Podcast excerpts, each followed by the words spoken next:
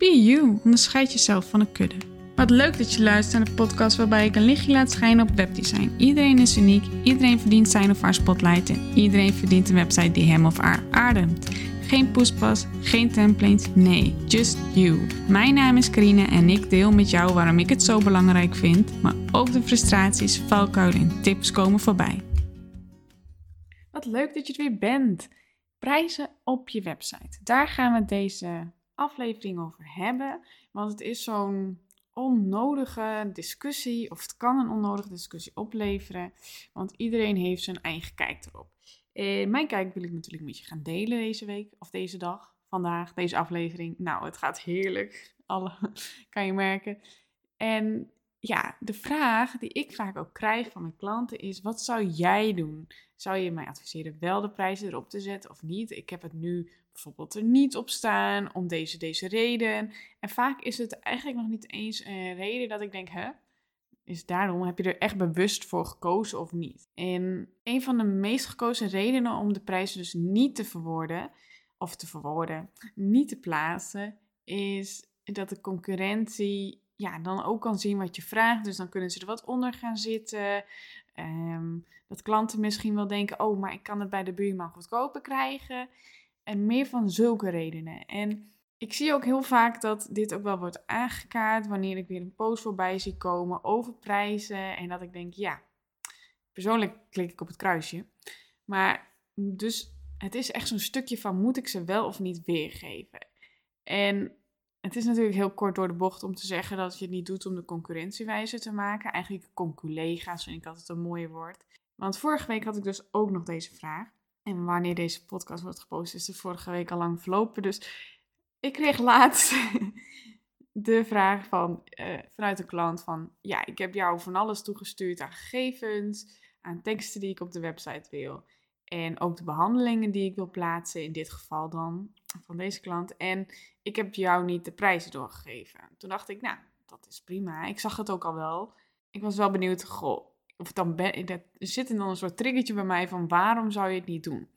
Nou, nu kwam ze dus zelf ook al met deze vraag van, ja, vind je dat ik dit moet plaatsen of niet? En dat vind ik altijd zelf een persoonlijke, ja, ik deel dan altijd mijn persoonlijke mening en dan is mijn antwoord natuurlijk heel kort, ja in mijn persoonlijke mening vertel ik dan natuurlijk ook dat ik dat wel zou doen, omdat het ook mensen kan triggeren om juist een afspraak bij je te maken, om juist contact met jou op te nemen of juist bij jou in de winkel te stappen.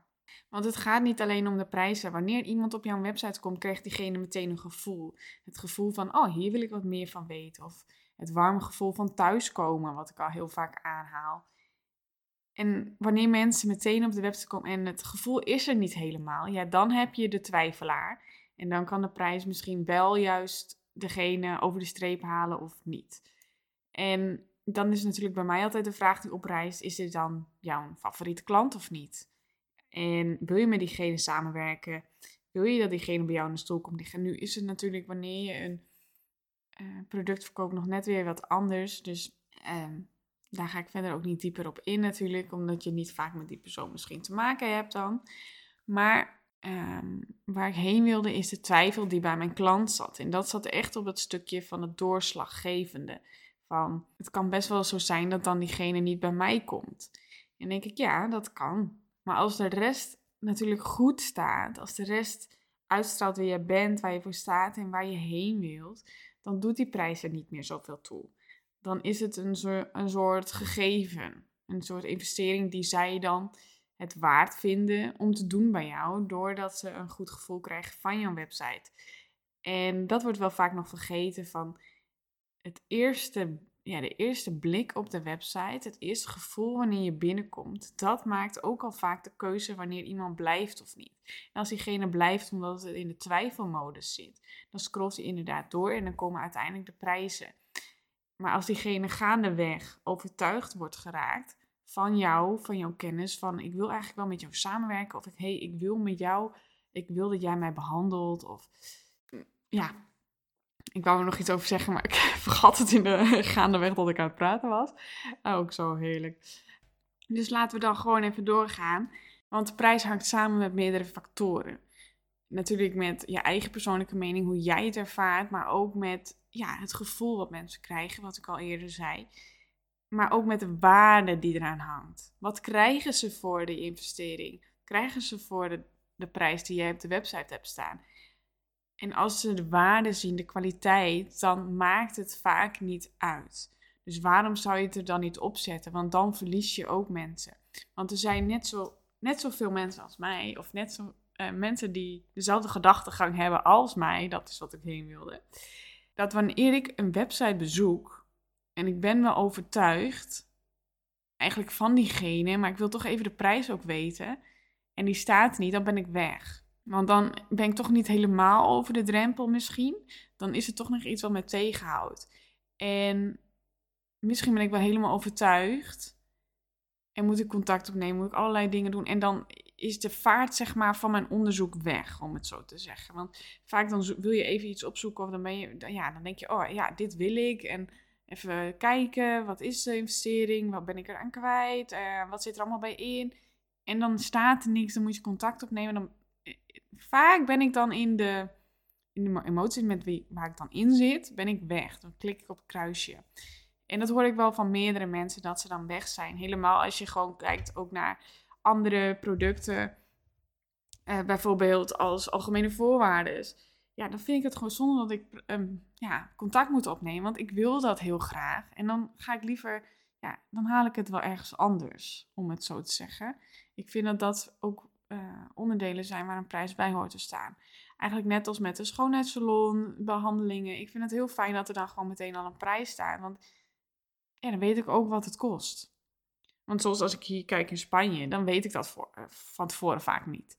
Dan is het uh, dat je, dan kom je, het is al een wonder als er dan een website is, laat ik daarmee beginnen. En als er dan een website is, om even in de schoonheidsbehandelingen te blijven, dan kijk ik daar en dan zie ik de behandelingen. Vaak ook nog niet eens, dus dan moet je al berichten daarvoor. Maar als ze er wel op staan, dan staat er geen prijs bij. En dan staat er, staat er iets heel miniems. En dan denk ik, ja, hmm, eh, wil ik dit, wil ik dit niet? Ik, zie altijd, ik lees altijd wel goede verhalen erover. Dus ja, laat ik toch maar een keer gewoon proberen. En dan in het contactmoment, dan vraag ik toch altijd wel van, goh, uh, wat is de prijs? Want vaak is het dan ook nog dat je hier contant moet betalen. Dus dan wil je natuurlijk wel weten wat je mee moet nemen. Of dat je van tevoren nog moet pinnen of iets dergelijks. Want ja, in Nederland hebben we al niet zoveel contant meer in huis, om het zo te zeggen. En daar is toch dan wel een verschilletje. Vaak, uh, als je echt contant moet betalen, wordt het ook nog wel aangegeven in het gesprek. Gelukkig. En nu, door corona, is het wel wat minder geworden. Dat je contant moet betalen. Er zijn er toch wel wat meer mensen overgegaan, ook naar PIN. Maar je weet het dan vaak niet. Dus dan kies je iets en je weet niet of dat het waard is of wat je kwijt gaat raken. En daarom vind ik wel dat het goed is om je prijs te vermelden. Want het kan ook zijn dat als je niet zo overtuigd bent door de verhalen om je heen, dat je ervoor kiest om niet daar naartoe te gaan. Of niet bij jou de product aan te schaffen. Ik vind het wel echt zo'n discussiepuntje van wat is dan een grens? Wanneer vermeld je het wel en wanneer vermeld je het niet meer? En welk bedrag, zeg maar, hang je daaraan? En ja, ik vind ook wel ergens dat het je eigen beslissing is natuurlijk. Van uh, wat is jouw bewuste keuze daarin om het wel te doen of niet. Ik heb het, ik heb het getest. Laat ik daarmee beginnen. Ik heb een hele tijd gehad dat ik geen prijzen vermeldde op de website. En dat mensen contact moesten opnemen. Dat mensen een offerte konden invullen of offerte aanvraag konden doen. Maar ik heb ook een tijd getest met dat ik de prijzen er wel neerzette. En het verschil wat ik merkte, want dat is wel interessant natuurlijk om hier te delen, is dat wanneer ik geen prijs had staan, dat het aantal aanvragen dat ik kreeg minder was. En dat de aanvragen die ik dan kreeg ook vaak niet behoorden tot de doelgroep. Vaak. Um, of de mensen met wie ik graag zou willen werken. Nu is dat gaandeweg natuurlijk ook wat veranderd inmiddels door de jaren heen. Maar uh, wanneer ik dus de prijzen er wel op had staan, uh, had ik natuurlijk al wel meteen een indicatie. Wisten mensen al wat, ze, ja, wat de investering zou zijn. Het is natuurlijk wel een vanafprijs, dus als er van alles bij komt, dan. Maar dan hebben ze wel een basis. En vanuit daar kan je met elkaar werken.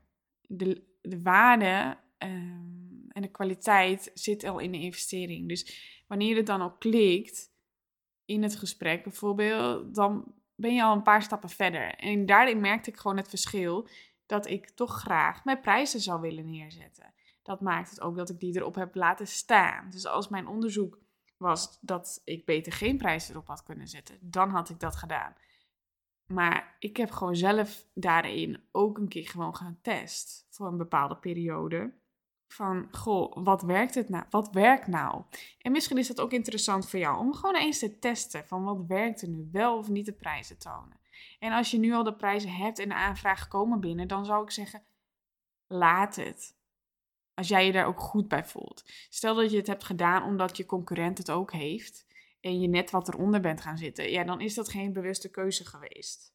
Of dan is het wel een bewuste keuze geweest, maar dan is het niet een keuze geweest misschien waar je achter stond. Of heb je het gewoon aangepast omdat je dan misschien vaker wordt gekozen. Maar dat zijn geen geldige redenen.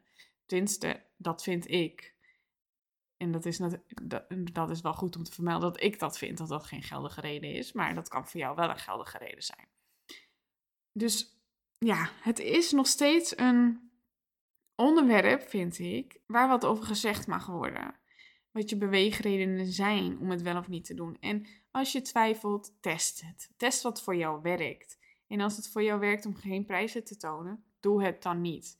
Maar ik vind wel bij, als jij online trainingen, et cetera, hebt, en je hebt dan nog wel, je hebt dan niet het automatische proces erachter. Dat mensen online betalen en dan meteen worden toegeschreven, et cetera. Dat dat allemaal nog niet zo ver is en dat je alles nog handmatig doet. Waardoor mensen ook, nou ja, dat je, waardoor je denkt, nou ik zet er ook nog geen prijs bij. Want ze betalen niet direct online. Um, vermeld het wel. En vermeld wat het proces is.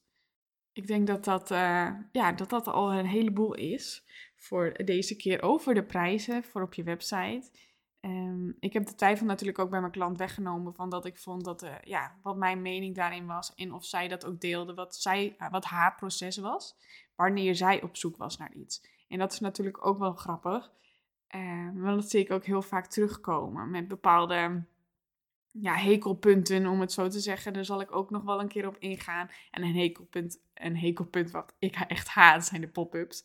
Dus uh, dat weten ook heel veel mensen van mij. En daar zal ik ook zeker een keer over ingaan, op ingaan. Laat ik dat gewoon de volgende keer doen. Dan heb je meteen een mooie waarom ik dat een hekelpunt vind en wat de gedachten daarachter zijn. Ja, tot de volgende keer. Ja. Ik ben wel benieuwd van prijzen op je website. Doe jij het? En waarom? Wil, deel het met mij. En als je het bewust niet doet, deel het ook met mij. Ik ben benieuwd naar de beweegredenen achter. En wie weet dat ik dan... Uh, ook een keer specifiek daarop inga. Echt van, ik vermeld ze en ik vermeld ze niet. Of wil je misschien een keer daar met mij over in gesprek? Dan mag dat ook. Dan nemen we gewoon samen een podcast op. Dat is ook helemaal geen probleem. Ik ben benieuwd. Laat het mij weten.